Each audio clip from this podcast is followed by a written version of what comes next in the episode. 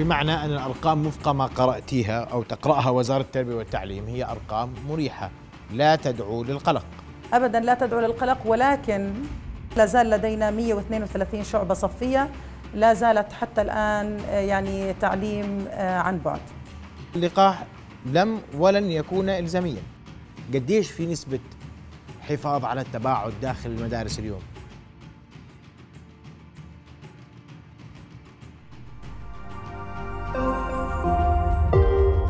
بودكاست. أهلا بكم في حلقة جديدة من بودكاست نبض البلد. خليكم معنا. حديثنا عن المدارس نسب الإصابات فيها هل ارتفعت؟ هل من إجراءات احترازية؟ هل من عودة كاملة قريبا للتعليم الوجاهي؟ التفاصيل نقف عليها مع ضيفتنا دكتورة نجوى قبيلات أمين عام وزارة التربية والتعليم للشؤون الإدارية مساء الخير دكتورة. أهلا بك في نبض البلد.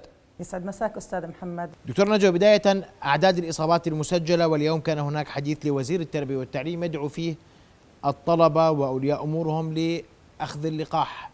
شو اللي بيصير بالضبط في المدارس؟ آه، يعني إذا آه، حللنا آه، نسب الإصابات منذ عودة التعليم الوجاهي نلاحظ أن هناك تزايد في أعداد الإصابات وفي النسب. بمرور الوقت. يعني كنا قد بدأنا مثلا في اليوم الأول بإصابات عددها 160 إصابة أصلا. كانوا الطلبة لما قدموا إلى المدارس كانوا مصابين يعني كانت هي إصابات من المجتمع. فبدأت تتزايد وكان المنحنى يتذبذب بصراحة. يعني كان أقصى عدد آه، وصلنا له كان يوم الثلاثاء والأربعاء الماضي حيث بلغت آه، أعداد الإصابات حوالي 700 آه، إصابة. ولكن يعني أنا أقرأ الإصابات في ضوء الأعداد الكلية للطلاب.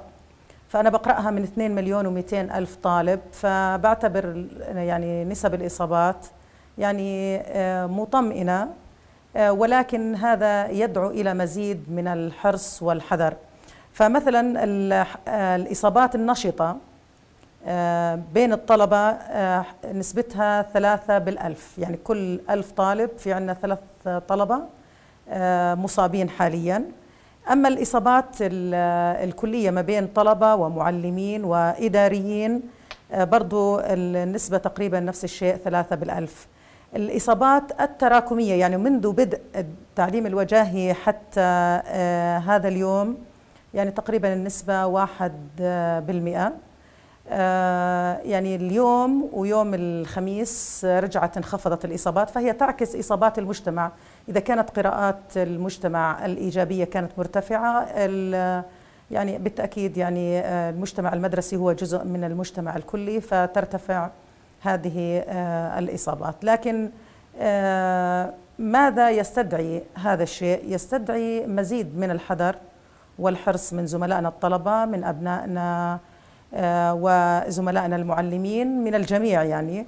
علينا الالتزام بالكمامات المحافظة على التباعد وإن استطعنا يعني هو المطاعيم كما تعلم أخي ليست إلزامية. آه، لكن نقرأ آه، مقارنة ما بين آه، نسب الإصابات في العام الماضي لزملائنا المعلمين حينما عدنا للتعليم الوجاهي لمدة تقريبا شهر ثم انقطعنا مع إصاباتنا في الشهر الماضي. نلاحظ أن هناك انخفاض كبير حيث أن عدد الإصابات كانت تبلغ في السنة الماضية يعني 250 إصابة باليوم بين زملائنا المعلمين في حين أن إصاباتهم اليومية الآن يعني آه، من 30 إلى 50 إصابة ما عدا يومي الأربعاء والثلاثاء الماضي لما ارتفعت الإصابات وصلت الإصابات ل 70 71 لكن يعني مقارنة مع العدد الإجمالي يعني الإصابات كثير انخفضت بسبب المطاعيم أيضا حينما نتأمل يعني آه، الكيرف لإصابات الطلاب نلاحظ أن أدنى الإصابات كانت في الروضة الصغرى. يعني آه، كان التراكمي عدد الإصابات في الروضة الصغرى 12 إصابة منذ بدء آه، يعني العام الدراسي. نعم. والروضة الكبرى مجموع الإصابات 104 يعني بما نسبته 9 بالعشر آلاف. في حين أنه إذا ارتفعنا حتى نصل إلى صف الأول ثانوي والثاني ثانوي نرى أن أكبر عدد بالإصابات يعني بلغت الإصابات حوالي بالصف الأول ثانوي 3104 إصابات. فكلما ارتفع العمر يعني لاحظنا آه، حين حللنا البيانات أن الإصابات تزداد. فيعني نأمل يعني من أبنائنا الطلبة والأهالي إنهم يشجعوا أبنائهم الطلبة لأخذ المطاعيم لنحد من هذه الحالات ونحافظ قدر المستطاع على التعليم الوجاهي. طيب يعني اسمحي لي دكتور أنت اليوم يعني في ضمن الأرقام اللي ذكرتيها الأرقام مريحة صحيح؟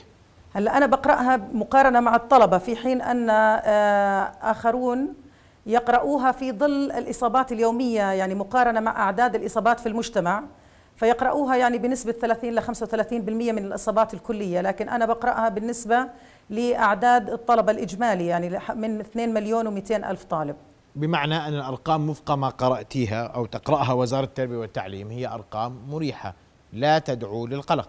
ابدا لا تدعو للقلق ولكن نحن نقلق لو كانت إصابة واحدة. يعني كنا نتمنى أن لا تحدث أي إصابة داخل المدارس فهؤلاء أبنائنا ويعني نتمنى لهم السلامة الدائمة وأن لا ينقطع أحد عن التعليم الوجاهي. آه، علما بأن آه، حاليا يعني بتاريخ اليوم آه، ولا مدرسة ذهبت إلى التعليم الوجاهي بشكل كامل. باستثناء مدرستين كانوا بالأسبوع الماضي وأنهوا آه، مدة العزل 14 يوم وعادوا إلى التعليم الوجاهي. لكن الشعب الصفية لا زال لدينا 132 شعبة صفية. لا زالت حتى الآن يعني تعليم عن بعد. هذا في كل المملكة 132 شعبة في كل مملكة في كل السلطات. يعني نحكي عن الثقافة العسكرية نحكي عن مدارس الوكالة عن القطاع الخاص عن وزارة التربية والتعليم. يعني وزارة التربية والتعليم من خلال غرفة العمليات تجمع البيانات من كل آه، القطاعات. طيب دكتورة أرجع لموضوع اللقاحات. اللقاح لم ولن يكون إلزاميا. بالتأكيد أستاذ محمد يعني آه، لم تجبر الحكومة آه، أي شخص على تلقي هذا اللقاح. فكيف لنا أن نجبر أبنائنا الطلبة؟ يعني هو اختياري ولكن نحن نفضل ذلك يعني لاستمرار العملية التعليمية آه، الوجاهية وحرصا على سلامتهم. طيب دكتورة اليوم وهذا واقع البعض قد يصاب ولا تظهر عليه أي أعراض. آه، آه، بالأخص في المدارس يعني وطلاب مدارس يعني صحتهم فيهم وهذه اصاباتهم مش سهل تظهر هذا واحد. والمعلمين أيضا كونهم ماخذين لقاح قد يصاب ولا يشعر بأنه أصيب. شو الإجراء الاحترازي؟ قديش في نسبة حفاظ على التباعد داخل المدارس اليوم؟ آه، خلينا نحكي عن الإجراءات الاحترازية اللي تتبعها وزارة التربية والتعليم بالتعاون مع وزارة الصحة بدءا من الفحوصات العشوائية التي تجرى في جميع مديريات التربية والتعليم آه، بحيث أنه يتم يعني أخذ آه، عينة من المدارس يعني تقريبا من كل مديرية من ثلاث إلى أربع مدارس ومن كل مدرسة يتم أخذ عينة عشوائية من 1% إلى 2% من الطلبة. آه، هؤلاء يتم إجراء الفحص السريع وإذا ظهرت هناك إصابة آه، يتم آه، إجراء فحص ال PCR للطالب وجميع الطلبة المخالطين. أيضا يعني وزعت وزارة التربية والتعليم الكمامات مجانا على الطلبة بحيث أن وزارة التربية والتعليم طرحت عطائين العطاء الأول كان الكمامات المقمشة آه، للطلبة آه، تقريبا اشترت يعني حوالي مليون وثلاثمائة آه، ألف كمامة وزعتها على المدارس إضافة إلى خمسة مليون كمامة من الاستخدام اليومي. وتوفير المعقمات والمنظفات في المدارس. وأيضا كما تعلم أنها يعني اتبعت البروتوكول الصحي الذي تطلب توفر واحد متر لكل طالب داخل الغرفة الصفية. والمدارس التي كانت لا تحقق هذا الاشتراط ذهبت إلى آه، سيناريو التعليم المدمج الذي يمزج بين التعليم الوجاهي والتعليم آه، عن بعد. كل هذه الإجراءات طبعا تأتي من باب يعني الحفاظ على صحة أبنائنا الطلبة وهناك زيارات مكثفة سواء كانت من مركز الوزارة من فرق المسائله من آه، أيضا مديرية الصحة المدرسية في وزارة الصحة تقوم بزيارات على مختلف المدارس وتأخذ يعني بشكل عشوائي آه، عينة من المدارس وتجري فحوصات أيضا لمياه آه، الشرب المستخدمة في المدارس. نعم. بدي اشكرك كل الشكر دكتور نجوى قبيلات أمين عام وزارة التربية والتعليم أوضحتي قضية اللقاح غير إلزامي هي دعوة فقط تحديدا للأعمار الأكبر للحصول على اللقاح بحسب قراءات وزارة التربية والتعليم نسب الاصابات الصف الأول ثانوي سجل فيه منذ بداية العودة للمدارس 3104 إصابات فيما الأرقام الأخرى كلها أقل بكثير من ذلك وأيضا التعليم الوجاهي مستمر والإجراءات الرقابية مستمرة لتأمين أكبر قدر ممكن من الإجراءات الاحترازية. الصحية كل الشكر لك دكتورة نجوى. رؤيا بودكاست.